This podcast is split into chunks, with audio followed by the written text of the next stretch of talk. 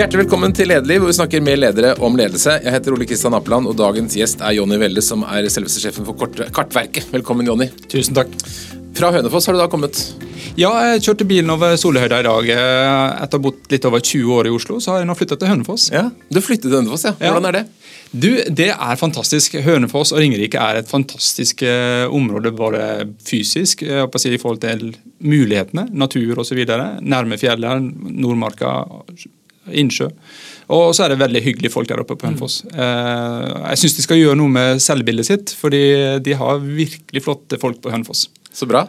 Eh, og Kartverket, eller det som tidligere er et Statens kartverk, det er vel en slags sånn hjørnestensvirksomhet på Hønefoss? Ja, jeg tror vi er vel den tredje største arbeidsplassen med litt over 500 ansatte der. Så er det vel bare kommune og sykehus som er større. Mm, så når du sier Kartverket, så vet folk hva det er i Hønefoss? Absolutt. Mm. Det gjør vi. Kanskje noen... ikke så mye om hva, hva vi holder på med. Det kan vi snakke litt om nå. Men, det... Men dere er noen andre steder i landet òg?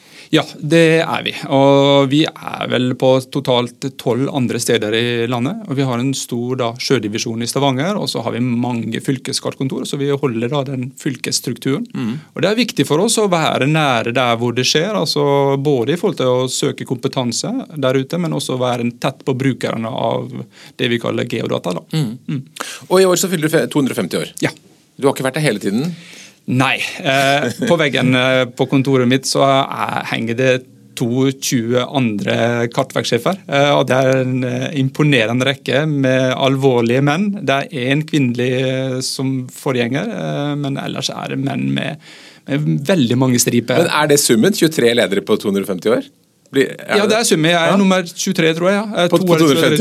Ja, ja, det er ganske, da så blir folk en stund, da, med andre ord. Ja, det, man blir det. Det er, det er, det er spennende. Det, nå er det sånn at vi, eh, vi har jo sånn seks pluss seks åremål. da. Ja, spennende. Og nå er du, du er da mm, godt inne i ditt første åremål? da? Ja, jeg har vært her i tre av seks. da. Mm. Er det bra? Kjempegøy. Virkelig moro. For de som ikke kjenner virksomheten, forklar kort hva Kartverket gjør. Ja, du, vi, eh, Mange tror vi lager kart, eh, og det er eh, kanskje det minste vi gjør. Men vi, vi rett og slett... Det ligger jo litt i navnet, så er det ikke ja, så rart. Ikke sant, det er ikke så rart. Men vi, vi, er altså da en veldig viktig samfunnsfunksjon i forhold til at vi samler inn data om, om alt fra havbunn vi sørger for at vi vet posisjoner, hvordan jorden og Norge beveger seg. Og så samler vi inn eh, informasjon og deler informasjon om hvordan land, altså kart, landdata-kart og ikke minst eiendomsinformasjon. da. Så det er dere som har den såkalte grunnboka, eller grunnbøkene? Det har vi også.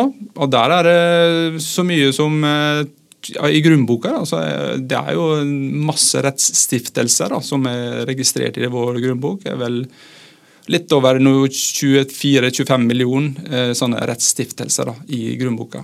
Og, og, det er jo en masse eiendommer. ikke sant? Det er jo mange millioner eiendommer også i, mm. inn i systemet. Mm. Men alt handler om Norge? Ja. Så dere har oversikt over alt i Norge? egentlig? Ja, og vi har faktisk også ansvar for eh, å gå opp grensen mellom eh, de tre altså nabolandene våre. Mm. Sverige, Finland og Russland. Spennende. Mm. Og så Tradisjonelt så har det sikkert vært veldig mye papir, og nå er det kanskje veldig lite papir? Ja, det, det, ser vi også i forhold til sånn som på eiendomssiden. nå. Tinglysningsprosessen har jo vært gjennom en rivende utvikling og skapt mye verdier for samfunnet, men nå er vi på snart 70% elektronisk tinglysning. Mm. Mm. Og du har jo IT-bakgrunn? Jeg har en utdanning innenfor økonomi.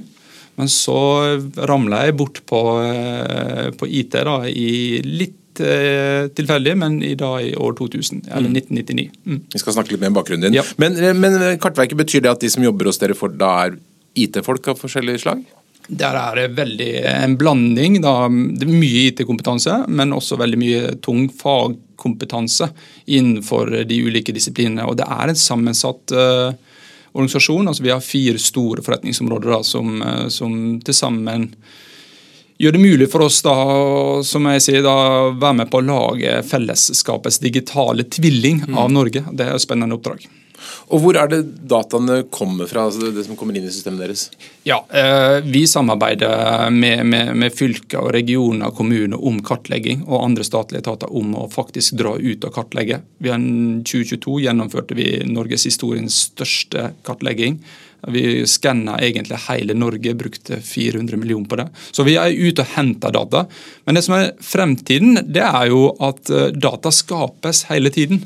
Så det er for oss da å utvikle oss til å bli en delingsplattform, hvor vi kan fange opp de dataene som blir produsert. Eh, og gjøre det tilgjengelig for deling. Det er det som er Hva slags data er det for eksempel, som skapes hele tiden? Åh, for det første så Det er så mange det er jo, altså, Du har jo biler i dag som fanger opp mange ting mm. når de kjører rundt. Vi har satellitter som surrer rundt kloden vår. Uh, vi har forbrukere som gjør og, og registrerer mye. Er, altså, IOT, altså Internet of Things, mm. uh, det, det, skapes så mye data som, som vi kan bruke til å, til å på en måte beskrive den, eh, den, det landet som vi da bor i. Mm. mm. Og Så får dere dataene inn, setter sammen, og, ja. og, så går det ut igjen. Hvem er det som bruker data fra dere? Oh, det er igjen også, klart at vi, vi er jo et veldig tett og nært forhold til andre statlige etater. Som, altså, I forhold til NVE, og du har Statens vegvesen og alle de store aktørene. Men, men du har kommunesektoren, og så er det i stadig økende grad også privat næringsliv som da har bruk for disse dataene. Og er det, er det da for å lage kart, eller hva bruker man dataene til? Ja, det, det, det er jo det som er utfordringen for oss. det er jo at vi, vi, vi, vi har vi, ser ikke alle de uttakene eller de verdikjedene som, som, vår grunnmur blir brukt til. Eh, og Det er det som er det fantastiske. Og Da, da kan jeg starte med det faktumet som FN har kommet til, er jo at 80% av alle dataene som produseres i verden, de er knytta til et sted. Eh, og det Opplysninger om det stedet, det er det vi forvalter. Mm. Eh, ikke sant? Og Det sier litt om betydningen av å ha da kontroll og best mulig oppdaterte informasjon om, om dette stedet. For Hvis du da på en måte deler det som en fellesnevner, så kan du da legge lag på lag og skape mye kunnskap og innsikt. Eh, og Mye av den kunnskap og innsikten den vil jo da skje i de ulike sektorene. Eh, om det er, dreier seg om klima, eller om det dreier seg om, om på en måte mobilitet. Eh, så, så, så så det å på en måte kunne dele felles uh, opplysninger om, om, stedet, det er uh, litt vår misjon, da. Mm. Mm. Og dette med grunnbok er jo en helt spesiell ting. for det, hadde, det, er vanskelig å handle med eiendom hvis man ikke eier hvem som eier ting. Ja, og grunnboken er et slags attributt til et sted, til en, til en, eiendom eller en bygning. ikke sant? Og, og, så, så det er jo også litt opp i verdikjeden. Vi begynner kanskje i andre enden. Eh, for å si litt om det, da, så, så, så, er jo den, det kunnskap om geodesi, altså jordens form og bevegelse, er, er, eh, er veldig viktig som et underlag. Mm. Faktum er jo at eh, jeg tror etter jeg kom til Kartverket, fikk jeg opplysning om at vi har flytta oss 70 cm mot eh, Finland eh, de siste Nei, Så vi er i ferd med å invadere Finland? Ja, ikke sant? Vil, bare det å holde styr på hvordan vi vil bevege oss. og Det faktum at Oslo her, som vi sitter i Bjørvika, de er fortsatt på vei opp. ikke sant? Mm. Som heldigvis. Altså løfter seg? De løfter seg, ja. Mm. Og Det er jo en god nyhet da, i, ja, i, forhold til havnivået, men kanskje ikke så godt nytt for Bergen, som ikke går like mye opp. ikke sant? Alle disse opplysningene der er, det er fundamentet, det er referanserammen som all kartlegging da er eh, grunnlag for. Mm. Og, og, posisjonstjenesten som vi leverer, gjør det mulig for, eh, for, eh, for folk å bygge på centimeteren og navigere på centimeteren. Og Det vil være viktig i forhold til fremtidig autonomi. Og, og, så baller det bare på seg derifra i forhold til kartlegging, havbunn, landkartlegging og, og, og, da også da bygningsmassene eh, og eiendomsmassene. Og så kommer vi til grunnboken, der hvor du starta. Mm. Du var litt som i, ja, ja, ja. Du, var litt, du var høyt oppe i verdikjeden. Ja, akkurat. Men eh, for mange av oss, altså, papirkart er jo en sjeldenhet nå.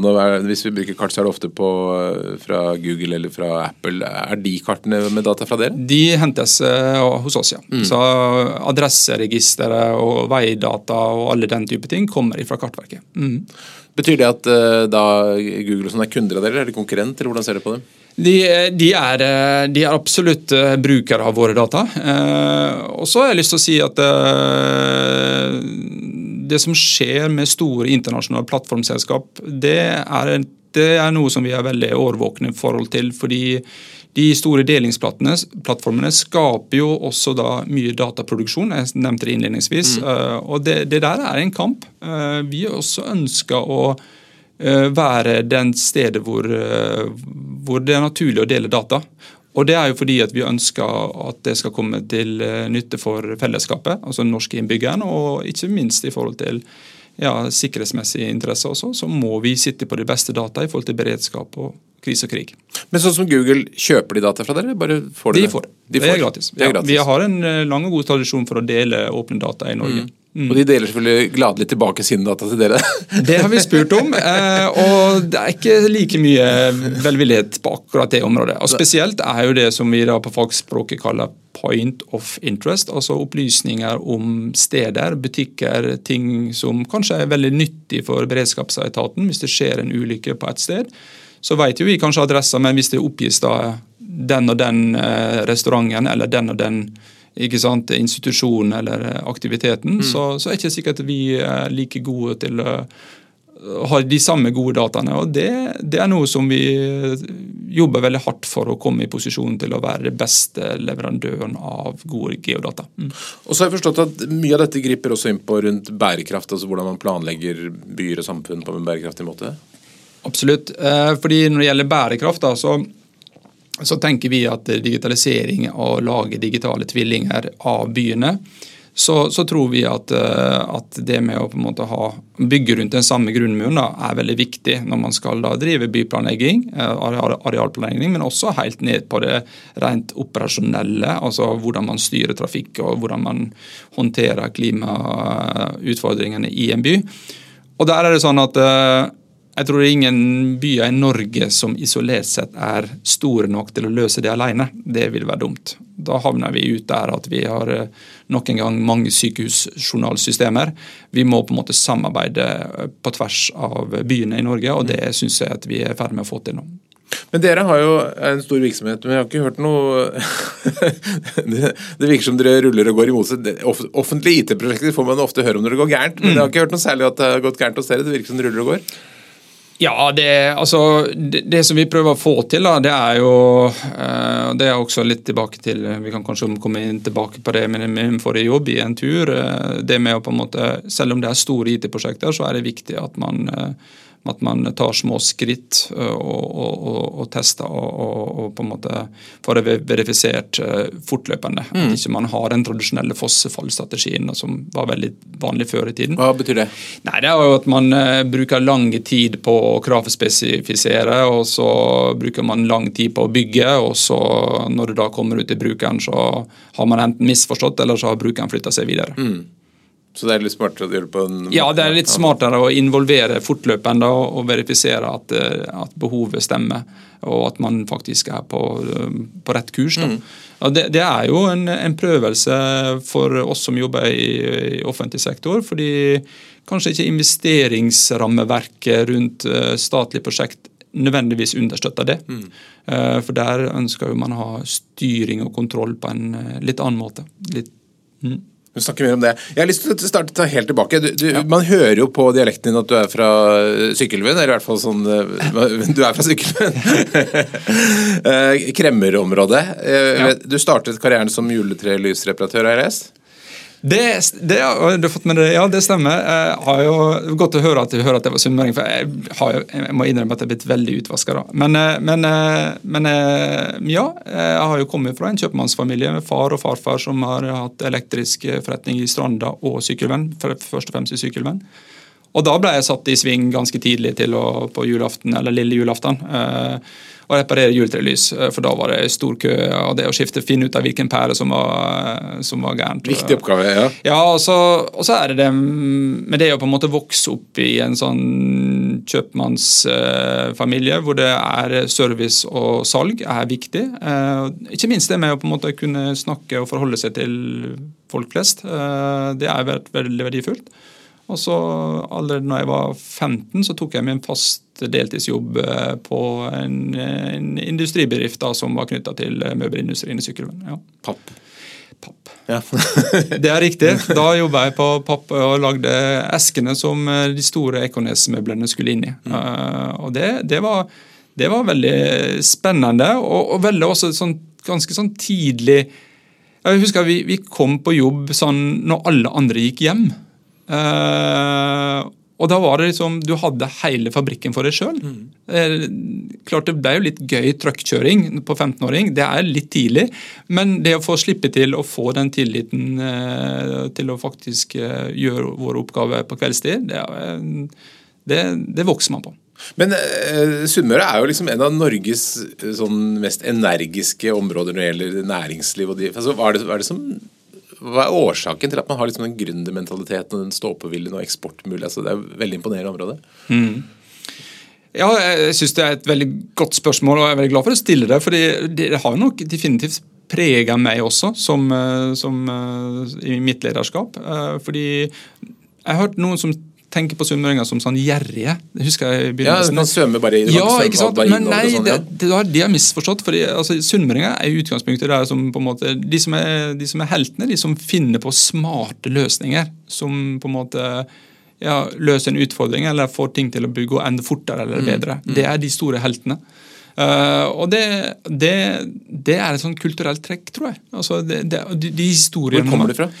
Uh, ja, jeg veit ikke. Altså, det, det Man, man det, det, det, er kanskje ikke jeg må si historiker til, men jeg, på en måte har jo også noen uh, aner fra noen gårder inn i Geiranger, uh, Geirangerfjorden, hvor det uh, noen tipp-tipp-tipp-folk som bodde oppi der. og og Når du ser hva, liksom, hva, som skal til for å liksom klare å karre seg fast der, så må du ja, Det kreves kanskje litt uh, ekstra. Sånn geitementalitet for å klare ja, det må det være. Men uh, derfra til så ble det da etter hvert økonomiutdanning, og så har du hatt en rekke gjennom vi skal ikke til alle, men Lindegods, Elkem, Orkla, noe som heter iStone, NSB Fellestjenester, Entur og så opp. Men det flyttet seg ganske fort fra økonomi og da mer over mot IT?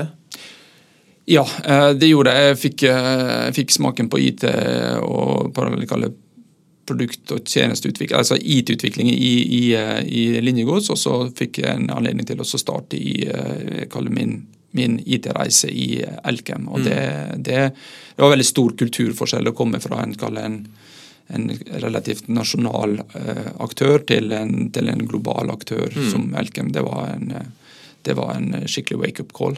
Du har, du har en ganske morsom CV i den forstand. Du, du, er liksom litt sånn um, offentlig eller statlig, privat, norsk, internasjonal litt av hvert. Mm. opplever du at det har vært store altså, Hva har du lært av de forskjellene der? Mm. Um, det, det, det, Kanskje i forhold til at det, det, offentlige har med seg en del kompleksitet som kanskje Um, som kanskje ikke er så åpenbart i, i, i de private, tror jeg. Uh, private er veldig resultatorientert. Det er veldig tydelig uh, det du leverer. Det er jo motiverende i seg selv, og ser de resultatene. Det det offentlige har ved seg, er jo at det er uh, mer komplekst. For å få til gode resultat så kreves det mye mer, og du må ha mye mer tålmodighet eh, også. Eh, og de som ikke har den tålmodigheten, de, den stayerevnen, de, de, tror jeg ikke vil trives noe særlig i offentlig sektor. Eh, men, men, det er jo de samme utfordringene. og det er jo kompetente folk i, i, i begge sektorer. Og, og jeg syns jo at uh, offentlig sektor ligner jo mer og mer og mer på privat sektor. Det må jeg si. Hmm. Men er det noe forskjell å lede en offentlig virksomhet eller en, en, en privat virksomhet? Ja, det vil jeg si at det er på, på, på mange områder er. Eh, I alle fall i de, de, oppdragene Vi har et samfunnsoppdrag som da ikke er så lett å lese av på en bunnlinje for hvert kvartal. Mm. Eh, eh og det verdiforslaget som vi gir eh, for eh, å bygge nasjonal digital infrastruktur, det krever eh, Det gir veldig mye mening, men det, det, er ikke så lett å på en måte resultatorientere seg. Så det, det gjør det veldig krevende. Uh, og så er det For at alle skal dele den samme passion og ikke minst uh, være like resultathungrige, mm. fremdriftsorienterte. Så det er jo litt krevende, men, men også så klart at det i forhold til Eh, rammeverket, altså, altså, det med hvordan man sikrer seg finansiering. Hvis jeg har et innmari godt forslag, så er det en ganske tung og lang prosess for, at, uh, Vedum skal være enig med meg. da. Beskriv den prosessen. Hvordan Hvis du trenger, trenger en milliard til et IT-prosjekt, hva, hva, gjør du da? Ja, eh, fordi eh, da må, vi se, på, da må vi trekke inn digitalisering i offentlig sektor. og det der hvor kanskje historisk sett var at én hadde en god idé, og så løper man og skaffer penger til det, så blir det i mye større grad nå et, eh, at man må jobbe på tvers av etater og departement, og, og på tvers av ja, sektorer. Da. Eh, og, og, og forvaltningsnivå ofte også.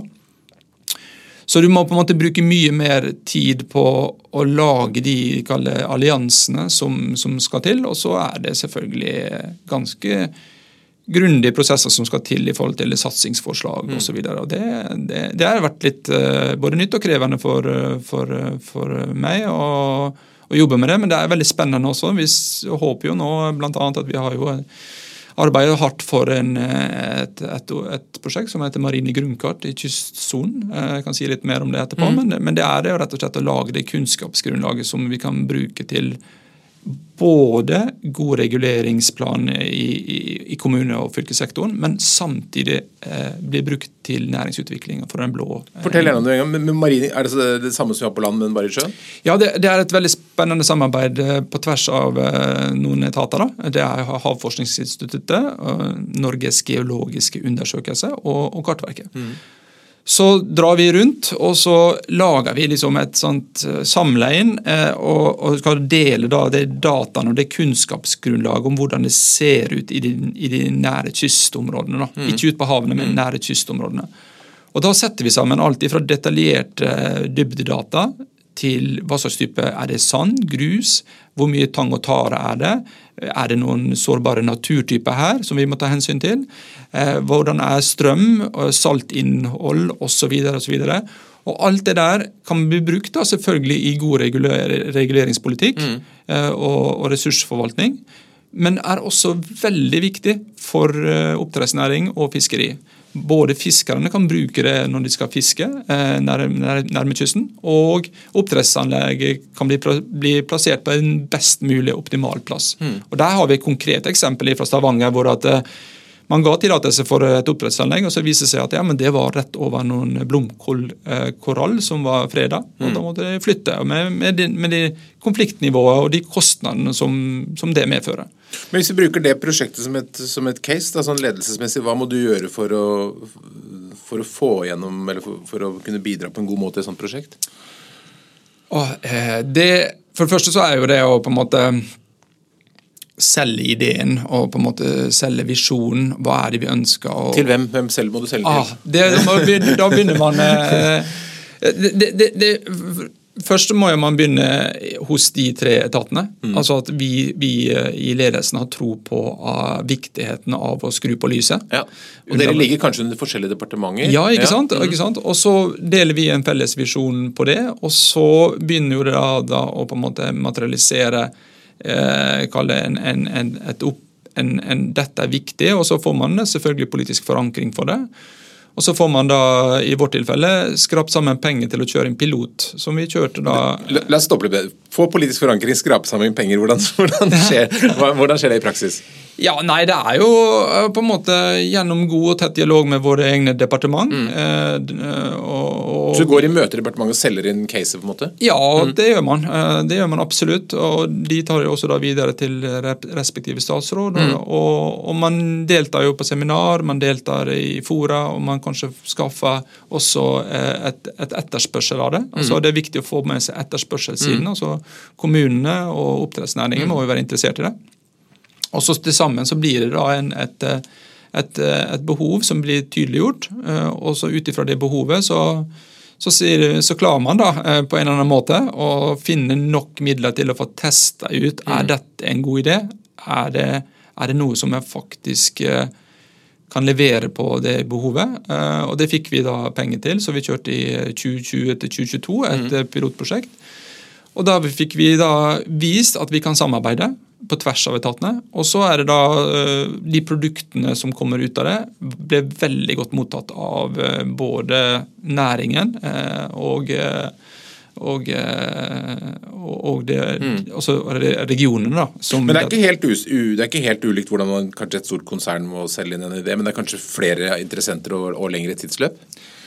Ja, ikke sant. Så det er litt eh, lengre tidsløp på de større satsingene. Mm. Da, selvfølgelig. Så hvis dette, hvis dette, blir et nasjonalt program nå, så, så, så er det som et resultat av møysommelig, langsiktig arbeid over mange år. Mm.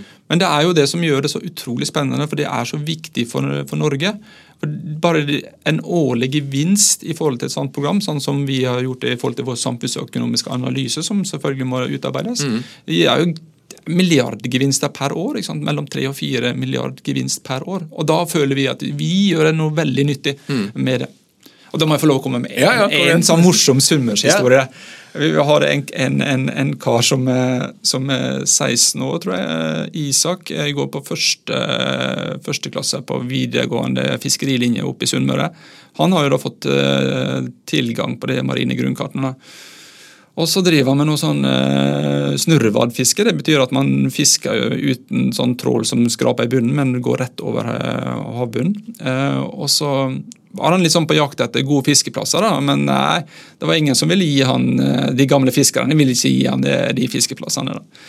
Så han brukte altså det marine grunnkartet og fiska basert på det, for der kan man tydelig se hvor det er eh, grus eh, og sand. Mm -hmm. Og han har hittil i år han tatt 30 tonn eh, på fritiden eh, med fisk. Fantastisk. Ja, det er, som, det er sånn både i kombinasjon av sunnmøring, eh, næringsliv og bruk av ny teknologi, og, og utnytte vårt, eh, vårt datagrunnlag. Så du kommer er, til å bli folkehelt på Sunnmøre, du? Ja, jeg glemmer. Jeg håper jeg blir tatt imot på Vigra når jeg kommer neste gang. Men har dere, har, dere, eh, har dere, i Kartverket mange sånne prosjekter på, på ønskelisten? Liggende tenker dere For å få til det, så skal vi prøve det og det. Er det mange ideer? Ja, det har vi. Vi har jo mange. og det, Da er det liksom viktigste er å på en måte løfte frem det aller, aller, aller viktigste. Mm. Og eh, der er det, I tillegg til det som jeg nevnte med marine grunnkart, så er det de, det med å på en måte løfte løfte de fellesløsningene som vi forvalter, mm. eh, og få de til å henge med i den store globale konkurransen som vi nå står i at vi i offentlig sektor har den kapabiliteten og evnen til å være relevante for næringslivet og eh, for, for andre offentlige etater. Det, er, det krever investering i det vi kaller digital infrastruktur. Mm. Eh, og jeg syns politikerne i altfor stor grad eh, fokuserer på digital infrastruktur som bredbånd og 5G. Men digital infrastruktur er ikke bare det. Det er også de fellesløsningene og de datastrukturene som vi fellesskapet forvalter. Og, og det koster å være med på den reisen. Det koster jo på en måte i forhold til investering i teknologi og, og, og investeringer i kompetanse. Mm. Så, og det er så utrolig viktig, fordi som jeg sier, det, det gir milliardgevinster. og Jeg har mange andre eksempler hvor vi, vi viser til milliardgevinster for næringsliv og for samfunnet. Men uh, nå har vi jo hørt mye denne våren her om et uh, pasientinformasjonssystem i Midt-Norge som ikke fungerer sånn veldig bra. Mm. Uh, hvordan unngår du at liksom, deres datasystemer går på samme den typen smeller? Ja, eh, altså IT-prosjektet, Jeg skal ikke kommentere det prosjektet der, men, men, men det som Nei, men det, det, belyser jo at det kan være vanskelig å lage ting med, ja. med, på data. Ja, ja. ja. Og, og, litt av de læringspunktene som vi har hatt f.eks. i et prosjekt som heter Digital havneinfrastruktur. Der har vi samarbeidet med ni havner rundt omkring i landet om å lage og Når vi starta det samarbeidet, så tok vi med oss eh, privat næringsliv fra starten av. Softwareleverandører fra mm. starten av. Og det Vi var veldig tydelige på er at vi ønsket å ha ut en funksjonalitet, eh, men vi ønsket å ha kontroll over dataene. Så Da utarbeidet vi en standard som alle havnene var enige om å bruke. og Så kartla vi detaljene i havnene. og Så er det havnene og Kartverket som er ansvarlig for å ha grunndataene som privat næringsliv lager da logistikkløsningene på. Mm. Og jeg tror det med på en måte at jeg tror i fall at uh, Innenfor vår sektor så er det viktig å slippe næringslivet til i forhold til å lage gode løsninger, men da må de også være villige til å dele dataene med oss. Mm. at vi, Og det er igjen tilbake til Google. altså Bevisstheten om data og dataeierskap, det er, eh, det er sentralt. Så vi må finne denne her eh, suksessoppskriften som vi fikk til i det prosjektet der. Og de også sier jo at de kan jo redusere eh, tiden, eh, liggetiden i havn betraktelig. Eh, de peker til, også de, til tre milliard i gevinst over ti år for mm. de ni havnene. For kortere liggetid, redusert CO2. Samtidig som på en måte de får vært med å legge grunnlaget for fremtidig for si, autonom havneproduksjon og effektivisering av rett og slett logistikken mm, mm. på havnene. Men da i en sånn, i en sånn uh, ansvarsdeling, hvor at vi sitter og har kontroll på data og ikke blir lokket inn i, uh, i noen leverandørløsninger. Men, uh, men altså, de får bruke sin kompetanse til å være veldig forretningsnære. Da. Så jeg tror kanskje det var et svar ja, på et uh, Nå beskriver du prosjektet hvor mange, mange si, krefter går sammen for å få til noe. Det, det var vel det som også var kjennetegnet på Entur, som var det forrige jobben din med hvor du skulle lage et kollektivsystem? Ja, eh, det var jo også et veldig eh, spennende Det var jo også et politisk vedtatt initiativ. ikke sånn Den blå-blå regjeringen som sa at vi ville ha konkurranse på, på, på, på togkjøring i Norge. Og Da var jo oppdraget da, å ta med seg egentlig de gamle salgsløsningene fra NSB ut i et selskap, og, og lage da en, en, en samla logistikkløsning. Ikke bare for, for tog, togbilletter, men også for kollektivsektoren. Mm. Uh, og Da var det en nasjonal reiseplanlegger som var et sånn type felles initiativ. som du sier. Og der har vi da Nå sa jeg vi, ja. ja, det er lov, det. Eierskap til ja, ja, det, var, det, fikk vi til. og Både det å på en måte modularisere og bygge en helt ny salgsplattform mm. som var sto klar til Go-Ahead eh, starta da. Mm. Eh, men samtidig med å gjøre det, så fikk man da også inkorporert eh, en nasjonal reiseplanlegger hvor alle fylkeskommunale selskap delte sine, sine data. Mm. Og jeg håper jo at den reisen fortsetter for en tur. fordi det må jo bli enklere for oss i Norge å reise kollektivt. Eh, jeg syns jo at vi kan gjøre fortsatt en del ting på det området der, og mm. konsolidere enda mer og få, få det til å bli rett og slett eh, ikke så mange apper og så mange løsninger som vi har i Norge i dag. Det er jo min Og Nå har vi sirklet rundt på en måte ledelse på mange måter, fordi dette handler jo om å få folk til å dra lasset sammen i samme retning. Mm. Eh, og, og liksom, hva, hva, Kan du oppsummere hva har du lært om det? Altså, hvordan, eh, det være seg da flere etater eller ulike leverandører inn i et IT-system, eller folk i Kartverket, hva gjør du for å få folk til å trekke i samme retning?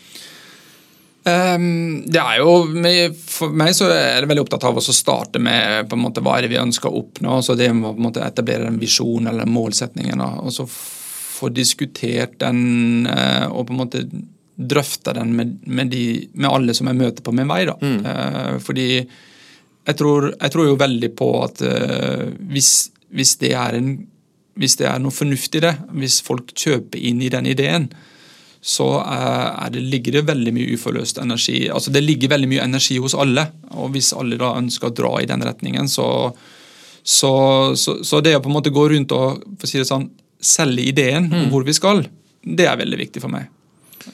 Du har uttalt deg om salg at det er en viktig egenskap, så det er egentlig det du, du selger ideer for å få resultater? Jeg syns det, og det er på en måte er iallfall en forutsetning. at folk uh, har lyst til å være med og lyst til å dra dit jeg har lyst til at vi skal mm. dra. Mm. Det er veldig viktig. Og så altså er det det kombinasjonen at man må jo også da gi, gi den friheten til at, at de finner den veien frem. Uh, altså det er de som sitter, Jeg trenger jo hjelp for å komme dit, så, så, så da er jo det de som må hjelpe til. da. Mm.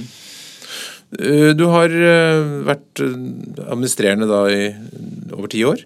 Hvordan i forskjellige steder. Hvordan har du utviklet deg som leder? Hva har du lært som, som liksom er det viktigste å være en toppleder? Um, altså, Det er jo litt tilbake igjen til denne her, det her kalle litt sånn flate strukturen. Det med at vi alle deler den samme ambisjonen og ønsket om å nå et sted. Uh, og det da å bygge gode team rundt meg, er, uh, som å dele den passion, uh, det, det, det, er jeg veldig opptatt av. Uh, og nå har jeg, I de oppgavene som jeg har hatt, og de reisene jeg har hatt, så har jeg alltid Jeg hører ledere si at man føler seg veldig ensom på toppen. Det har jeg vært heldig. Jeg har aldri følt meg ensom. Jeg har alltid følt at jeg har hatt et, ja, vært en del av et lag, mm. et team, som, som, ønsker å nå noe. Så, så det, men det kan jo være ulike utfordringer, ulike lederroller. Men for, for, meg så har det vært Det jeg har brukt tid på, er å få mitt Altså ha en veldig høy grad av åpenhet rundt meg og dele det som jeg har lyst til å nå, og, og få refleksjoner og korreksjoner på det, og takhøyde for refleksjoner og, og, og, korreksjoner. Og så sammen så må vi på en måte dra det videre. Betyr det at du bruker mye tid sammen med ledergruppen på å snakke om hvor dere skal og hvordan dere skal jobbe? Ja, ikke, kanskje ikke i ledermøte, men sånn hele tiden, ja. ja det, for, for, for, jeg er veldig opptatt av at vi er synka i forhold til uh, situasjonsanalyse. Uh, og på en måte tiltak. Uh, hva gjør vi nå? hva er det som dukker opp? Altså At vi er på liksom kalibrert på samme sted. og da, da må du ha høy høyfrekvent kommunikasjon, kanskje. Eh, og bruke tid til å diskutere. For, liksom, for gjennom diskusjonene så, så, så flytter jo jeg hodet mitt, og de flytter sitt hode. Og til sammen så synker vi hverandre opp. og det mm. Og da, da, er det veldig lett å gå ut i verden når vi er liksom ja, vi vet at vi, vi, vi, at vi går mot det samme stedet. Mm. Men Du sa også at det er litt vanskelig i offentlig sektor fordi du ikke har den der bunnlinje- eller topplinjefokuset. Ja. Så, så, så, hvordan ser liksom målhierarki ut i et kartverk? da? Ja, eh, og det, det, er, det, vi jobber med nå, da, det er jo at vi, vi har definert eh, tre strategiske mål. Eh, det, det, ene er at vi er nasjonal geodatakoordinator. Vi skal sørge for at geodata blir delt på tvers av offentlig sektor. Og så skal vi bygge det som jeg sa i sted, fellesskapets digitale tvilling, mm. som er egentlig en teknologisk ambisjon. Og så har vi et mål om at det skal være enkelt å dele eh, data med oss, og det skal være enkelt å hente data fra oss. Mm. Så det er de tre. Og så eh, ut ifra det så har vi da en type en det som på fint heter OKR-struktur. Vi prøver nå å implementere at vi bryter ned disse tingene i ikke bare sånn strategiske Hva, står det for OKR? Objectives, objectives Key Results. altså Det er jo som Du deler fra en visjon, ambisjon, og så, og så ned i handlingsplaner, der, rett og slett. Ja. Mm. Og så prøve å bryte det opp, og så uh, ha, ha liksom et engasjement da i, hos de ansatte på hva gjør vi nå de nærmeste 30-60 dagene, 90 dagene, og, som og så få brutt det ned og fått et engasjement helt ut. Det, det, er krevende. Vi fikk det til eh, i en tur, men når det blir litt større organisasjon, så, så krever det mye. Vi hadde nettopp et uh, inspirerende foredrag fra NRK hvor det, hvor det jobbes med samme som tilnærming om å skape engasjement rundt det å nå de strategiske fellesmålene. Da. Mm. Du kom jo inn der for tre år siden, og så um, har du med deg masse da, ting fra Elkem, Orkla, NSB og NTU og sånne ting på en måte mm. på, og så møter du da mm. en organisasjon som på det tidspunktet hadde holdt på i 247 år. da. Ja. hvordan, hvordan, hvordan, er det liksom, kan du si, Nå skal vi forandre oss, eller må du bare må du i stor grad akseptere at sånn er det her? Så hvordan, hvordan er liksom, hvor mye skal man tulle med en kultur? Uh, Altså, jeg tror jo at eh, jeg, jeg gjennom mitt lederskap eh, påvirker kulturen i Kartverket. Eh, det som er et av de kanskje mine viktigste læringspunkt, som jeg ikke var helt klar over, det var vel at når jeg kom til Kartverket, så, så er jeg jo akkurat den jeg er, står for det jeg er, og liksom bare begynne å gå i den retningen som jeg tror er, er riktig. Men det å på en måte ta inn over seg at, eh, at man at organisasjonen er på et helt annet sted. Eh, og på en måte Det, det, det at eh, du, du, oppfatter at du har med deg alle på den reisen, men de har tolka dine signal ut ifra der hvor de står, mm. rent kulturelt. Har du opplevd å dumme deg ut litt der? Om jeg dummer meg ut Ja, det vil si jeg, sånn type at uh, i forhold til en tillitsbasert ledelse, da. Uh, så, det, så det har vært sånn at ja, men dette fikser jo du. Ja. Og så har man kanskje, noen kanskje vært litt sånn utrygge på at jeg tør ikke eller vil ikke. Og, og, og, så kan man si men du, du, fikk jo anledning til å gjøre det du fikk altså du fikk jo anledning til å gjøre som du vil. Mm. Og så, så er det Hvorfor gjorde ikke du det? Eh, og da kommer det frem at, eh, at det, det, er eh, av en kanskje litt sånn kulturell dimensjon. At man eh, kanskje ikke hadde den mm. tryggheten eh, for å gjøre det. Mm. Eh, og det handler jo veldig mye om risikoen for å feile og gjøre gærent. og det er veldig viktig for meg. Det skal det være takhøyde for. Er man reddere i offentlig sektor enn i privat? Ja. ja. Hvorfor er det sånn? Nei, fordi jeg tror ja, det er et godt spørsmål. Jeg vet ikke om jeg har helt svar på ja, absolutt det inntrykket jeg også. Nei, fordi, frykt, ja. men det, det, blir, eh, det blir veldig Noe av våre myndighetsoppgaver er veldig viktige, er veldig veldig riktige. Sånn som f.eks. sjøkart. Det, du kan ikke tulle med det, liksom. Mm. Men, men, også i forhold til digitalisering og sånn, så det er veldig lett å, å være syndebukk, og det blir veldig fort eskalert. Og så blir det eskalert til politisk hold, og så, og så har du rundene, mm. og så blir det liksom skutt på. Og jeg beit meg merke at riksrevisoren nå på en digitaliseringskonferanse nå for en 14 dager siden eh, sa at nå vil de følge opp de som ikke nødvendigvis gjorde feil, men som ikke turte å gjøre noe. Mm. Det er et litt interessant signal. Ja, for Tradisjonelt så har man liksom sagt at i næringslivet så er det viktig hva du oppnår, i offentlig så er det viktigst å ikke gjøre noe gærent. Ja. ja. Og jeg, jeg, jeg, har ikke det, det, klarer ikke jeg å forholde meg til. Jeg, det, mitt DNA er ikke der i det hele tatt. Så, så jeg, jeg, jeg, durer på, og så har jeg skjønt som embetsmann at det skal mye til for å sparke meg. Men da er det tre år igjen. ja, det er paradoks, man sitter jo trygg på det. Tryggere i offentlig sektor, men likevel reddere. Hva, hva, er, det mest, hva er det du liksom grubler på i jobben? Ja, grubler på eh, det, det, det, det det, det, som jeg på en måte syns er det mest eh, krevende, det er å få, um, få, få kalle både i forhold til å få samarbeidet til å fungere på tvers av departementer og på, en måte på tvers av etatsnivå. Mot, mot, det, er på en måte, det, det, er jo bare som en litt sånn komplisert uh, spill. så Det går mye tankegods inn i å få dette samarbeidet mm. til å funke. Og så er det selvfølgelig i forhold til det som vi har slitt mest med, eller som utfordringer, og kanskje også derfor jeg takker ja til å være med på sånn intervju som det her, det er jo at eh, det å selge infrastruktur det er ikke det verdens enkleste eh, ting av verden. Fordi du selger egentlig grunnmuren, og så har folk lyst til å flytte inn i et hus med, med fint tapet. Eh, og, mens vi er litt der på grunnmursalg. da.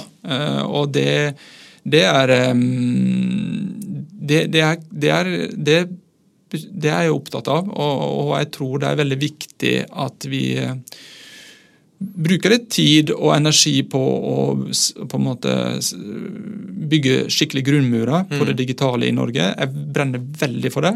Både eh, vi ser det nå i forhold til sikkerhetsmessige perspektiv, men også i forhold til eh, næringsutvikling. Det å henge med i mm. at ikke vi Men Det er jo som med infrastruktur at man merker det først når det ikke funker, ja. og så tenker man ikke så mye på det ellers. Ja, ikke sant. Og det sånn, og vi kan, nå, nå, nå, opplever vi på kroppen at det er løsninger hos oss som er i ferd med virkelig liksom å på en måte Vi må skru av, kanskje mm. for ikke vi har råd til å drifte det lenger. Mm. Og, da, og, Vi har ikke lyst til å komme i den situasjonen. Og Da mener jeg at da, da er det litt ris til egen bak også, for det har, har ikke vi klart å få ut dette budskapet godt nok. da. Du må selge mer, da? Ja, ikke sant? Det er derfor jeg sitter her. vet du. Men hvordan, hvis du sammenligner Norge med andre land som du har oversikt over, da, hvordan er vi på digital infrastruktur? Ja, sånn, Vi liker jo å tro at vi er bra. Ja, Vi er jo iallfall ikke dårligst. Og, og det, det, det, merker vi at uh, den, Vi nyter jo veldig godt av den tilliten som er i Norge. Uh, tillit på alle nivå. Og at vi på en måte har uh, tatt gode steg i forhold til nasjonale fellesløsninger som har gjort mye, og digital infrastruktur sånn, i, i, den fysiske forstand også mm. løfta oss til det stedet vi er. Så jeg tror at vi er på et godt sted, men samtidig så har vi noen eh, spennende ting foran oss i forhold til der hvor vi er dårligst, det er bl.a. på deling av data. Eh, Mellom hvem da? Altså... Ja, altså det, Undersøkelser viser vel at det er vel bare 20% av de offentlige etatene som deler data med andre mm. i, i, i, seg selv. Og, og, eh, og vi vet at samarbeidet med, mellom offentlig sektor og privat sektor må utvikles. Og så, og så er vi hele, hele den reisen nå med at vi kan ta opp det også som en tematikk, er jo at vi, mye av de tingene som skjer på det regulatoriske, på lovsiden mm. rundt uh, det, disse områdene, både på GDPR og på kunstig intelligens og deling av data, mye av de tingene skjer jo nå i EU. Uh, mm. og, og vi uh, vi sitter jo ikke akkurat rundt det bordet, men, og det er ikke sikkert at alt som kommer derfra, er tilpassa det nivået, den samfunnet som vi er i Norge. Så prøver vi da å på en måte tilpasse oss, da, eller tilpasse så godt vi kan på de, som kom, de lover og regler som kommer, direktiv og forordninger som kommer fra EU. Mm. Og det, det, det, det, er også en sånn utfordring, for det er de politiske ambisjonene som EU har. Eh, skulle vi gjerne vi ha påvirka. Og, og, så ønsker vi også at det skal være tydelige politiske ambisjoner for eh, for eh, digitalisering av offentlig sektor også. Mm. Nå er jo det på trappene en ny digitaliseringsstrategi, og jeg håper jo at eh, mye av disse tingene blir løfta inn der. Men strategi er én ting. Det er jo Finansiering og gjennomføring. Finansiering og, og, og, ja, viktigheten mm. er viktig. Dere fyller 250 år i år. Hvordan feires det? Blir det kake på Hønefoss? Ja vi, har, og, ja, vi har nettopp gjennomført en veldig åpen dag. 500 som kom innom og så på hva vi holdt på med. Ja, Det er, eh, det er jo en tilbake. Vi, vi, har ikke noe stort budsjett til det. Så for å være helt ærlig, vi, har, eh, vi, vi, vi gjør noen arrangement. Eh, og så, så, gjør vi det så nøkternt som mulig. og, og vi, får jo en minnemynt ifra fra Norge, eh, Norges Bank. Oi. Ja, en, en eh, sirkulasjonsmynt i 20 kroner. Mm. Ikke det at det er fremtidsretta, men, nei, nei, men, det, er, men det er hyggelig. Det, det, viser jo litt posisjonen deres i samfunnet. da. Ja. Men litt tilbake til 250 års eh, altså, For å sette det i en kontekst, da. Eh, det var jo sånn på desember i 1773 at den dansk-norske kongen var bekymra for invasjon eh, fra Sverige så sendte han en general, da, Heinrich von Hutt, til Norge for å kartlegge da grensen, eh, altså om, området mellom Glomma og svenskegrensa. Mm. Og, og, Grunnen til det var jo at uh, man ønsket å ha informasjonsoverlegenhet rent, uh, rent strategisk, militært. Mm. Mm. Og nå er, ikke, nå er jo ikke det annen, et annet land i øst som, som kanskje preger mediebildet mye større, nå, større grad nå. Og, men det er de samme tingene som fortsatt er relevant for oss i Norge i dag. Vi må sikre at vi har god kontroll og informasjonsoverlegenhet på, på, på de dataene som betyr mye for Norge. Mm. Eh, og, og, det dreier seg både i forhold til eh, selvfølgelig sånn militære ting, men også i et litt videre, litt videre perspektiv. Eh, informasjon som i, i, stort kan bli satt sammen, kunstig intelligens osv., som kan være med på å på en måte påvirke vår styringsform, mm. evne og ikke minst nasjonal sikkerhet. Ja. Det er en viktig oppgave du har. Ja, det er, det er kjempespennende. det, vi driver med veldig viktige ting, eh, selv om vi er kanskje usynlige. Vi nærmer oss slutten, eh, Jonny. Helt til slutt, eh, hvis det kommer en ung person til deg og vil bli leder for Kartverket, eller en pappfabrikk, eller en hjulet eller elektrisk forretning, hva er de tre viktigste lederrådene vi gir? Oh. Jeg, jeg, tror at selvfølgelig at man, man, man må iallfall starte med å være den man er, og, og, og, og da må man skjønne litt hvem man, man, er. Altså Man har litt selvinnsikt. Det tror jeg ikke skader. Jeg har vært så heldig å vært, vært med på type lederprogram og utviklingsprogram både i, i Linjegods, Elkem, Orkla og NSB. Og det, det på en måte bruke litt tid for å forstå seg selv, mm. jeg tror jeg er litt viktig. Og, og ikke minst hvilken effekt det har i hvordan du fungerer sammen med teamet ditt. Eh, og, og kanskje også hvilken type lederoppgave du velger.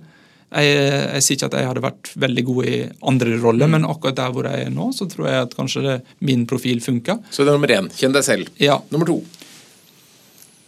Da, da kan, jeg kan komme med et sånn konkret historie eh, som, som, eh, som, er litt sånn interessant. Det er jo jeg, jeg jobba i Elkem eh, og hadde ansvar for noen IT-prosjekter. og Så eh, var det vår store høvding eh, Ole Enger. Da. Han var en sterk og tydelig mann på sitt område. og Når jeg skulle redegjøre for disse, her, disse tingene som jeg kjempa for, da, Så, så var han, satte han øynene i meg og så sa han at jeg, jeg orienter, det var en, en IT-prosjekt på Bjølvefossen. eller mm. det, og Så spør han meg har du vært der. Eh, hva mener du? Har du snakka med de som bruker Har du vært der og sett hvordan det funka? Eh, og det hadde jeg ikke. Nei. Og da var det bare å ta seg ut og dra til Bjølvefossen og være der og snakke med de som har problemet eller utfordringen. Snakk med de det gjelder, ja. ja og det, det, det kommunikasjon omsatt direkte observasjon. Aldri undervurder direkte observasjon. altså Ta telefonen, snakk med den det gjelder, vær der hvor det, den situasjonen, vær på stedet, opplev det litt selv. Veldig godt råd. Og det er ikke, ikke, nødvendigvis at det bryter med tillitsbasert ledelse, men det gir så mye mer innsikt. Eh, og ikke minst også gjensidig tillit, for du er der. Så det med, det med å på en måte oppsøke gjennom direkte observasjon, det, den brant seg inn ganske tidlig. Mm. Og så har du et tredje, tredje råd, som er Ja, det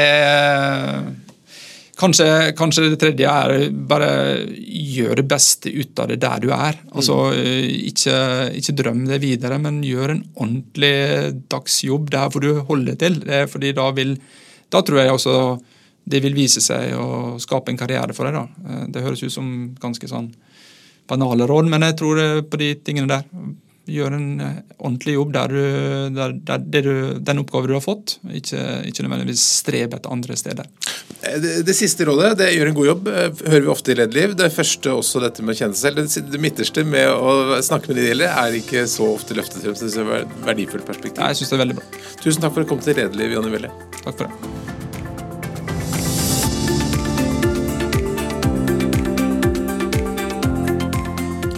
Lederliv er en podkast fra Apeland. Redaksjonen består av Ingrid Hogneland, Johanne Eidsvoll, Lars Jarle Melum og meg som heter Ole Kristian Apeland. Og du er hjertelig velkommen til å sende ros, ris, tips om ledere eller hva du måtte ønske til oleatapeland.no. Takk for at du lytter.